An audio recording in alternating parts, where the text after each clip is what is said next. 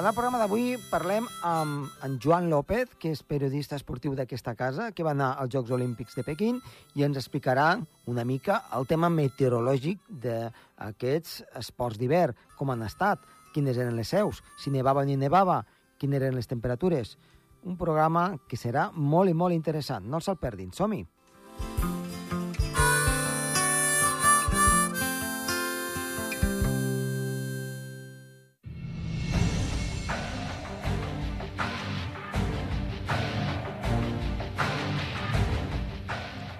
Avui tenim amb nosaltres el periodista en Joan López, que és periodista d'aquesta casa d'esports. Joan, benvingut. Moltes gràcies, Josep. Moltes gràcies per estar aquí. Un plaer. I per què l'hem convidat d'esports? Què té a veure doncs, amb el nostre programa? Doncs moltíssim, perquè va estar als Jocs Olímpics de Pequín i, eh, evidentment, això ens portarà a parlar de les diferents seus. El clima doncs, que hi ha en aquestes diferents seus, perquè veiem unes imatges que en un principi potser ens van esgarrifar una mica, però jo crec que s'ha d'explicar bé les coses per saber-ne, doncs, després poder opinar. Poder opinar doncs, si estava ben fet, si estava mal fet, les crítiques o no crítiques que hi va haver i una mica la idiosincràsia del lloc on, on va estar el Joan. Joan, eh, et vas desplaçar cap allà, vas cobrir doncs, tots els esdeveniments que hi havia eh, per part d'aquí eh, del país i quants dies t'hi vas estar? Pràcticament hem estat tres setmanes. Déu-n'hi-do, eh? Els jocs són 16 dies, tot i que cada vegada comencen una mica abans, eh? perquè la inauguració era el dia 4 de febrer, acabaven el dia 20 de febrer, però ja des del dia 2 teníem competicions. Ja havia començat el curling i, i alguna altra disciplina. Per tant, acaben sent doncs, pràcticament això, tres setmanes. Vam arribar una miqueta abans perquè en el moment en què s'agafen els bitllets tampoc estava clar si la gent quan arribés hauria de passar per una quarantena, com s'havia fet amb els jocs de, de Tòquio, i per tant doncs, acabes estirant dies i, i acaben sent tres setmanes. I arribeu a Pequín eh, amb la diferència horària, evidentment, de 7 hores. 7 hores déu nhi eh, quan nosaltres aquí doncs, eren al migdia, que fèiem les connexions, tu ja t'anaves després a dormir. Pràcticament, sí, sí, sí. A, a les dues que, que entràvem en directe a l'informatiu eren les 9 de la nit nostres. Exacte.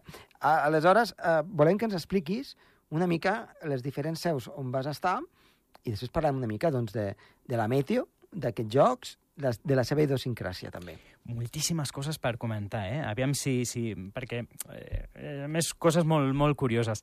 Eh, per situar jocs, van ser a, a Pequín, uh -huh que va ser la primera ciutat del món que acull dos Jocs Olímpics d'hivern i d'estiu. És a dir, Exacte. no que, que organitzi per dues vegades un joc, sinó que sigui la primera ciutat del món que ha estat en acollir uns d'estiu, que van ser el 2008, on també vaig tenir l'oportunitat de, de ser-hi, i aquests d'hivern el 2022, 14 anys després.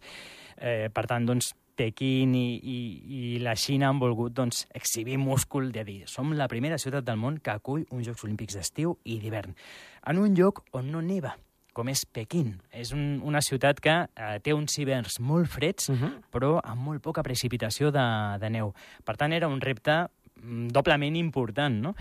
Uh, moltes coses per comentar. D'entrada, el que deies, tres seus, Pequín, per una banda, on es feien les cerimònies d'inauguració, de, de cluenda i totes les proves de, de gel. El curling, en una instal·lació que es va renovar, la recordem el 2008 perquè era uh, el cub d'aigua, uh -huh. uh, una instal·lació on es feien les proves d'aigua, de, de, de natació, de natació sincronitzada, uh, totes les, les proves aquàtiques en aquell cub d'aigua que es va transformar en el cub de gel per acollir la competició de curling aquella instal·lació doncs, es va reciclar, no? i és molt bonic, es poden trobar vídeos a, a, a la web de com es transforma aquella instal·lació, aquella piscina, aquell centre aquàtic per acollir uh, les proves de, de curling. Això era d'una banda a Pequín, on teníem, com dèiem, les inauguracions, la cluenda i, i també doncs, les proves de, de gel. I dues instal·lacions, dues seus més. D'una banda, Jankin, que era on estàvem nosaltres, els periodistes en aquest cas, a uns eh, 75 quilòmetres al nord de, de la capital, un districte al nord de, de Pequín, tot i la, la llunyania, no? forma part de, de Pequín, i allà es feia l'esquí alpí. Una seu també doncs, que, que podem comentar perquè tot el que es va fer per acollir les competicions d'esquí alpí era nou.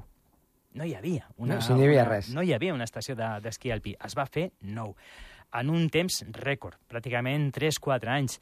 I ho podem explicar perquè vam trobar amb, amb un andorrà que des de fa tres temporades havia anat a treballar mm, treballava aquí a Arcalís, en la producció de, de neu de, de cultiu, la neu artificial, i va anar allà doncs, a, a viure l'experiència de preparar uns Jocs Olímpics i des de feia tres temporades, i ell recordava que la primera temporada no hi havia res i es va fer una estació de primeríssim nivell d'esquí Del no-res. alpí. Del no-res, amb només les pistes de competició que també doncs, aquí crees una miqueta el debat de qui podrà després aprofitar aquelles pistes eh, quan tinguin neu artificial a banda de la gent que doncs, té un nivell d'esquí altíssim. Uh Mhm. -huh. Estàs parlant de, de pistes de competició. Clar, la de descens, la de...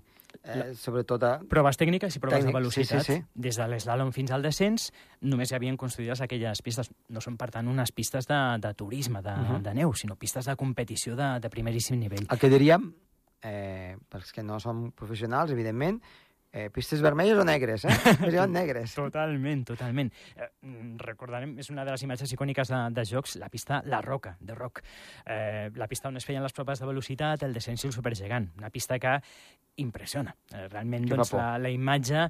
Eh, tot i que amb el tema de... Van venint coses al cap, eh? El tema de la neu artificial. Es diu que són els primers jocs que s'han fet amb neu 100% artificial. Tot, tota la neu doncs, artificial, perquè, com dèiem, no hi neva, o hi neva molt poc. Uh, la pista, les pistes i la neu han agradat moltíssim als esquiadors. Mm, jo no he trobat cap crítica uh, amb aquesta neu amb, ni amb les pistes. Es van fer mm, una inversió altíssima, però les pistes han agradat moltíssim i també aquesta, aquesta neu. És que, clar, per, per, esquiar bé, eh, doncs el que es necessita és que la neu estigui dura, Exacte, eh, ben compactada. exacte. Eh, perquè moltes vegades s'hi tira aigua, perquè es geli... I, clar, que hi nevi, això va en contra del que és avui la- l'esquí de competició, no? Exactament, tal qual, tal qual ho expliques.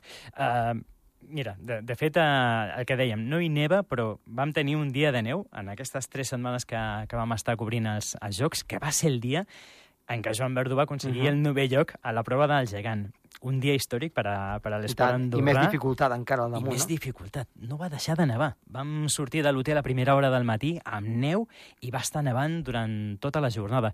I recordo que la primera manega, a Jankin, que és el, el lloc on estem parlant, la primera manega es va fer amb molt poca visibilitat. Estàvem a la zona d'arribada i teníem no sé dir-te si eren doncs, a, eh, 100 metres de, de distància, una pantalla gegant que es veia amb prou feines, de la poca visibilitat que, que hi havia. I sempre doncs, que recordo, no? dic, Déu-n'hi-do a Joan Verdú, com tots els esquiadors que, que van baixar, molts van caure, per cert, però Déu-n'hi-do per baixar per aquella pista amb aquella poca visibilitat, eh, doncs amb, amb el valor que, que s'havia de, de eh? baixar per esgarrapar segons a, i dècimes al, al cronòmetre amb aquelles condicions. Després va millorar una miqueta la segona manega. Però el que dèiem, d'entrada, instal·lacions absolutament noves, pistes noves, en un lloc on eh, no hi neva i tot amb, amb neu artificial. A, a, a quina alçada està? Estava molt per damunt del nivell del Mira, mar? sé dir-te que, que l'altre seu, que era Sant Jaco, que ara doncs, eh, anava a comentar-ho, està a uns 2.000 metres de- Mhm. d'altitud, per sobre de, del nivell del mar. Jankin no t'ho sé dir, sí que... Però que molt menys, pel Sí. que m'estàs dient, no? menys, menys que Sant Jaco. Que, que Sant Jaco. Però amb uns hiverns molt continentals, molt freds, amb molt anticicló que ve de Sibèria, Mongòlia, no? Exactament. tota aquesta zona. Hi havia una zona molt més extrema, meteorològicament parlant, que era Sant Jaco. Mhm. Uh, Sant Jaco, mm, el que vaig poder veure, se la coneix com la porta nord de Pequín, està a uns menys de 200 quilòmetres de, de distància, i Jankin l'orientació seria uh, cap a l'est de, de Pequín, Sant Jaco és cap a l'oest, a uns 200 quilòmetres. Uh -huh. Aquí sí que l'altitud és això, pràcticament uns 2.000 metres, i era una zona molt més extrema. Aquí es feien les proves d'esquí de fons, on teníem també doncs, participació andorrana, també els salts d'esquí, biatló, combinada nòrdica, i també unes instal·lacions absolutament noves. Uh, per cert, a Jankin també es feien totes les proves de trineus, bobsleigh, skeleton, luge, també amb, amb una instal·lació espectacular. Tot això, diguem-ne, eh, no necessites neu, les proves interiors, bobsleigh, tot això no necessites neu. Temperatura, més o menys, eh, si, excepte l'indoor, que l'indoor, clar, evidentment no, no hi ha problema, però clar, amb el que estàs dient tu, les pistes d'esquí, sí que com a mínim t'ha d'acompanyar la temperatura. Exacte. Sempre El- estaven negatius, no? El fred el tens garantit. Feia Ja. molt de fred. A Jankin on es feia l'esquí alpí, una miqueta menys que a Mhm. Sant Jaco, que és on volia doncs, parlar ara. Mm, La zona més extrema, meteorològicament parlant. No vam baixar cap dels dies que vam anar a cobrir les proves d'esquí de fons dels 15 graus sota zero. Era la temperatura, pots dir, doncs, eh, més amable, més, més benigna. Uh, ens parlaven l'Irineu Esteve, la Carola Vila, el Joan Erola, responsable tècnic, que a les nits les temperatures mm, passaven molt de, de 20 sota zero, entre 20 i 25 graus sota zero. Per entrenar a les tardes, encara, doncs, al voltant dels 20 graus sota zero. I les competicions, que es feien a primera hora de la tarda, hora nostra, eh, sempre el termòmetre fregava, doncs, això, 13, 14, 15 graus sota zero. La FIS, en teoria, no deixa fer mm, proves amb temperatures més baixes de 20 sota zero, però si no arribàvem, ens acostàvem força. I el Mhm. pitjor era la sensació tèrmica que s'incrementava molt la sensació de fred per culpa, per culpa del vent. Clar. Feia molt de vent.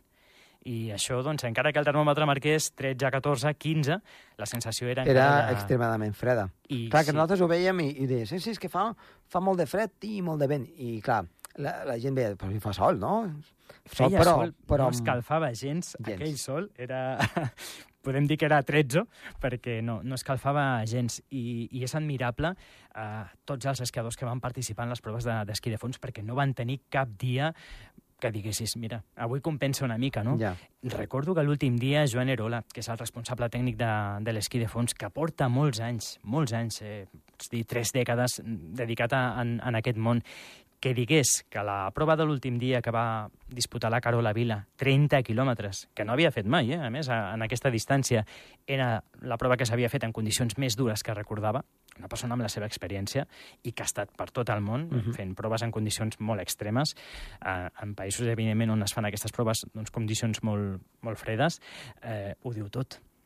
Sant Jaco era um, realment un lloc molt dur per, per competir, per entrenar, i curiosament um, vaig poder doncs, eh, llegir, eh, recabar informació que és un lloc on, on es vol potenciar també el turisme de- d'esports de, de neu. Uh -huh. Dius, qui vindrà aquí, Clar, amb aquestes condicions Clar, meteorològiques? Perquè a Andorra ens venen molta gent nòrdica perquè hi ha més sol i hi ha neu i les temperatures no són tan extremes. A veure, algun dia sí que hem arribat a aquestes temperatures, però el normal és 5, 7 sota 0 al matí i màximes de 5 graus.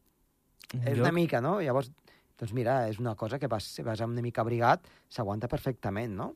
I amb el sol ni es nota, però clar, 15-20 sota 0 és quan aquí diem, ui, avui sí que fa fred, eh? Absolutament. però clar, allí quan és la mitjana, eh, llavors sí que la situació... Com a mínim en aquestes setmanes que, que vam ser. Clar, no? no sí, sé si sí, no. després el, el temps... Evidentment, eh, a mesura que va avançant el, el calendari, la temperatura va pujant, però desembre, gener, febrer, això no t'ho treu ningú. Per cert, allà també es feien les proves de border cross, on uh Mhm. -huh. va competir la, la Maeva Estevez.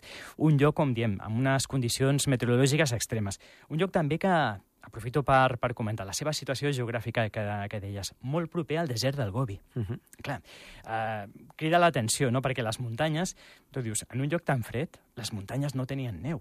És que, a banda d'aquest dia que va nevar, el, el dia 9, eh, el, el dia que, que el Joan Verdú va fer el, el novè lloc, eh, no teníem... Va ser el dia 13, eh? No, el El dia, 13. El dia 9. Uh, no, les muntanyes absolutament Pelades. pelades. I, sen I sense vegetació. Clar, perquè és, exactament, perquè és un lloc molt sec Clar. en el que dèiem que fa molt de fred, es veu que a l'estiu sí que, que plou, és un, un clima monsònic, però, però no, no hi neva al, al, a l'hivern. I, Per tant, doncs, eh, el que dèiem, el paisatge cridava molt la- l'atenció. I l'aigua, d'on la tenen l'aigua? Eh, el que ens van explicar és que amb, amb tota la inversió que s'ha fet en enginyeria... Clar, el tema de la inversió als jocs, eh, tot i que Pequín va vendre o va difondre que eren uns jocs que s'havien reciclat, instal·lacions de jocs eh, de- d'estiu del 2008 a Pequín. Clar, tota la, la, la inversió que s'ha fet per les estacions, tant a Jankin com a Sant Jaco, és absolutament nova. I d'aquí sí que les xifres ballen, eh, segons la, les fonts, perquè tampoc no, no s'ha acabat de, de saber exactament quin és el cost de, de la inversió. Però amb grans eh, bombes, portant aigua d'embassaments, mm, alguns propers i, i també doncs, obres d'enginyeria molt importants per portar aigua de molt lluny, perquè Mhm. doncs, eh, O sigui que, que um, eh, diguem-ne que el que s'han arribat a gastar no ho han dit, no... però han quedat bé perquè els, els, els jocs han estat perfectes. Exacte. Eh, el que sí que tothom destaca és, si la utilitat continuarà o Clar, no, no? qualitat de les instal·lacions de primeríssim nivell. Tots els participants en els Jocs Olímpics ho han destacat. A nivell d'organització, doncs, eh, també eh, s'ha posat molt bona nota. A nivell de sostenibilitat, s'ha volgut també transmetre l'idea d'uns jocs nets, uns jocs verds. S'ha invertit moltíssim en energies netes, en grans parcs mm -hmm. eòlics, en, en plaques fotovoltaiques, en intentar doncs, treballar amb aquestes energies netes. I, I aquí hi ha també un exemple paradigmàtic, que, que abans ho comentàvem. A Pequín hi havia una instal·lació que potser tothom té al cap, perquè va Ara t'ho volia comentar. Sí, sé per on vas. Sí, sí, sí, uh, on es feia el Viquer la primera instal·lació permanent del món en Vicker, que és aquests salts, eh, tant, tant en surf com, com en esquí, eh, que es feien en una àrea urbana, però que té també doncs, un, una història molt, deixa'm dir, utilitzar l'adjectiu bonica al, al darrere. Recordo que quan, quan vaig anar als Jocs del 2008 d'estiu, eh, anàvem espantats perquè, a banda de tot, de tot el que es comentava, no? de la censura, de, de mm, compte per on vas, compte amb el que dius, es parlava de, de Pequín com una de les ciutats més contaminades del món. I ho era, efectivament. I, i recordo eh, que tinc la imatge al cap de, de caminar per, per algun carrer i, i, i evidentment, el, el, el mirar a l'horitzó i veure doncs, com una capa molt densa, De brutícia, grisa. no? Grisa, clar. De brutícia. Aquest smog, que- no? Típic. si, si surt el sol aquí no veurem res perquè no deixarà tota aquesta capa que, que filtrin els, els raigs, no? Era realment una ciutat que feia honor a la seva fama de ciutat molt contaminada i, i un dels, dels agents de contaminació era una fàbrica, una planta enorme de producció de- de- d'acer que era a Xugang, a uns 20 quilòmetres de, de la capital. Una, una planta de producció d'acer que vaig buscar una miqueta així la, la història, havia donat feina a 70.000 treballadors i havia estat oberta durant un segle. Es va obrir el 1910, crec, en recordar, i, i estava oberta en el moment en què es van fer els Jocs Olímpics d'estiu al 2008. Fixa't tu que dius, una planta de cert pot donar feina gairebé a tot Andorra. de eh? les més importants de, de la història de, Sí, de la sí. Xina. Era un, un motor econòmic molt important, no? I amb tot el que es va parlar en els Jocs Olímpics de- d'estiu, doncs comença una política d'intentar eh, canviar aquesta situació i aquesta ciutat tan, tan contaminada i aquella fàbrica, aquella planta de producció enorme es tanca. Es tanca el 2010 i a partir d'aquí està uns anys abandonada i, i a partir d'aquí doncs, es comença a treballar. Què es pot fer? I es eh, treballa, es, estem parlant d'una àrea de 5.000 metres quadrats que es converteix Enorme, doncs, clar. en una zona verda immensa en la que es planifiquen doncs, fer instal·lacions esportives, instal·lacions per acollir esdeveniments culturals, i, i enmig de, de tota aquesta zona, d'aquests 5.000 metres quadrats, que s'ha reconvertit absolutament, doncs es van conservar aquelles torres enormes Mhm. que molta gent deia, què passa, s'està fent Clar. aquí el Viquer en, en una central nuclear o què és Clar, això, no? Sí, sí, sí. i s'ha conservat com, com un- una mica doncs, com a símbol no? d'aquesta història també industrial i, i d'aquest motor econòmic que va donar doncs, a- de menjar a moltes famílies i va ser també doncs, un, un motor econòmic de, del país i s'ha convertit en una immensa àrea verda, com diem, de, de 5.000 metres quadrats, on es va fer el Viquer i que s'ha convertit en la primera instal·lació permanent de- d'aquesta especialitat de, del món. I que també doncs, aquí sí que s'ha fet doncs, com un símbol no? de- d'aquesta regeneració urbana en una ciutat que, que, com diem, tenia fama o va ser una de les més contaminades del món. Mm, I això, això estava al mateix Pequín. Això estava a Pequín, sí. Estava A una les miqueta als, als afores, uns 20 quilòmetres. Uh -huh. Es diu Shugang. Uh -huh. Déu-n'hi-do, déu nhi déu um, Vas trobar Pequín eh, més o menys contaminada que el 2008? Uh, la On- imatge que tinc de, de Pequín és la imatge d'una ciutat uh, aïllada o protegida o defensada de, de la Covid, perquè la diferència amb els Jocs del 2008, en el que van poder doncs, tenir la proximitat amb la gent i van poder veure no, que, que la població tenia la curiositat no, per qualsevol periodista que s'acostés de demanar d'on venia i tal, aquesta vegada no hi havia contacte amb, amb la Clar. gent. Uh, el que vam poder veure, vam tenir bo, eh, els dies que hi vam poder veure el sol a, a Pequín, és una ciutat, com dèiem, amb totes les instal·lacions encerclades per, per tanques metàl·liques Uh -huh. i els autobusos, nosaltres no, només eh, teníem un circuit tancat. Podíem sortir de l'hotel a les Sí? instal·lacions olímpiques Ja i està. als transports. Ja està, no podíeu... No podíem sortir d'aquí. I els, trans... I els autobusos que ens portaven a les instal·lacions olímpiques que volíem visitar, eh, ja et dic, en el cas de Pequín, havien d'anar superant tanques metàl·liques. Una tanca s'obria per accedir a l'estadi, on nosaltres volíem doncs, fer mm, allà un stand-up, per exemple. O si volíem anar després a la piscina, des d'allà també doncs, havies de s'obria una tanca, persona, eh, normalment militars, eh, hi havia molts militars, evidentment, la seguretat extrema, obria una tanca metàl·lica, passava l'autobús, l'atacava, la tancava una altra vegada, i molt poca gent al carrer. Això en l'àrea en l'àrea olímpica, on ens movíem, en el Parc Olímpic. Clar, per tant, doncs, no va poder sortir. no vam poder sortir d'aquí. Mm -hmm. eh, us feien sempre les proves PCR? Cada matí. Cada matí. Cada matí. Clar, pensa que... Us, venien, us venien a l'habitació? No, havíem de... En el mateix restaurant, Mm -hmm. O annex al, al restaurant on, on baixàvem a esmorzar de l'hotel, hi havia una saleta on doncs, t'agafaven, miraven la teva acreditació i a partir d'aquí doncs, feies el, el, la PCR cada matí, Mm. abans, de, abans de començar el dia. Pensa que, clar, poques setmanes abans es parlava de què passarà amb aquests jocs.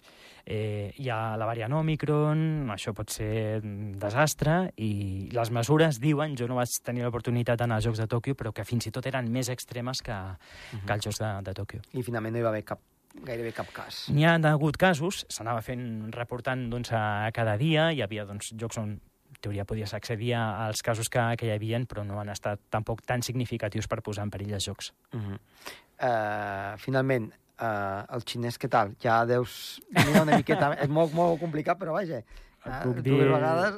el que, el que tothom que, que estava per allà doncs, dius, no? El ni hao, que és hola, i el xie xie, que és gràcies, i poca cosa més, eh? Molt bé. Per tant, recomanaries anar-hi a l'hivern o, o millor a primavera-estiu? Si has d'anar a l'hivern, ves, ves sobretot a Sant Jaco molt ben abrigat. Molt bé. Doncs, eh, Joan, moltíssimes gràcies i t'esperem una propera vegada. Un plaer, Josep. Fins ara. Adéu-siau.